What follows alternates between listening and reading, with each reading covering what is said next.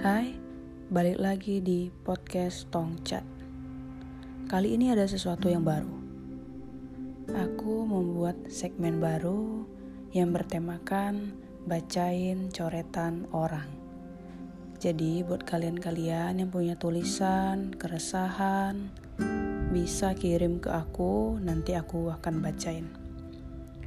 Dan pada kesempatan yang pertama ini ada karya dari Fernalia Harlim, Rindu dan Harapan.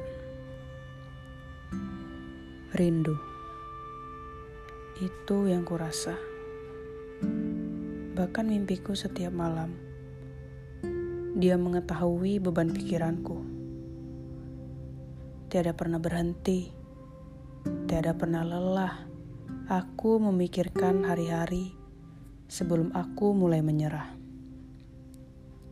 tanpa teman, tanpa kegaduhan kelas, tanpa sosialisasi. Itu semua terasa hampa. Entah apa rasanya semua itu. Rasa itu sudah tiada. Kenangan demi kenangan terus berputar di dalam benak. Semua memori indah kembali terbit di dalam pikiran sudah tidak sanggup lagi. Aku menahan rinduku ini. Bukan karena rumah sebagai tempatku belajar, tetapi karena suasana kelas yang aku inginkan untuk kembali. Hal baik juga datang, walau menimbah ilmu dari rumah. Waktuku untuk sendiri, waktu mencari jati diri semakin banyak tersedia. Tapi bukan ini yang aku inginkan. Awalnya tak bisa beradaptasi. Tubuh ini terasa lelah, mensejajari padatnya jadwal. Saat hidupku mulai terbiasa menjalani keadaan ini, rasa bosan yang kini menghantui hidupku jadi tak berwarna. Segala perubahan, datang tanpa pemberitahuan. Terasa sulit untuk dijalankan, apalagi dengan segala kerinduan.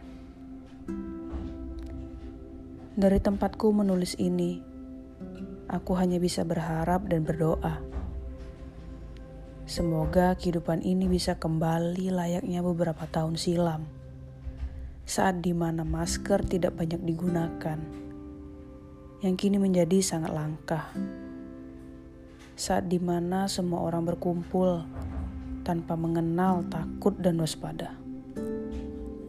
Aku berdoa supaya bencana ini tidak lagi memakan korban, supaya kami dapat kembali ke saat rutinitas kami sebelum hancur berantakan, supaya semua orang bisa kembali bekerja demi menghidupi keluarganya, dan supaya pandemi ini tidak pernah datang kembali di masa depan anak cucu kami.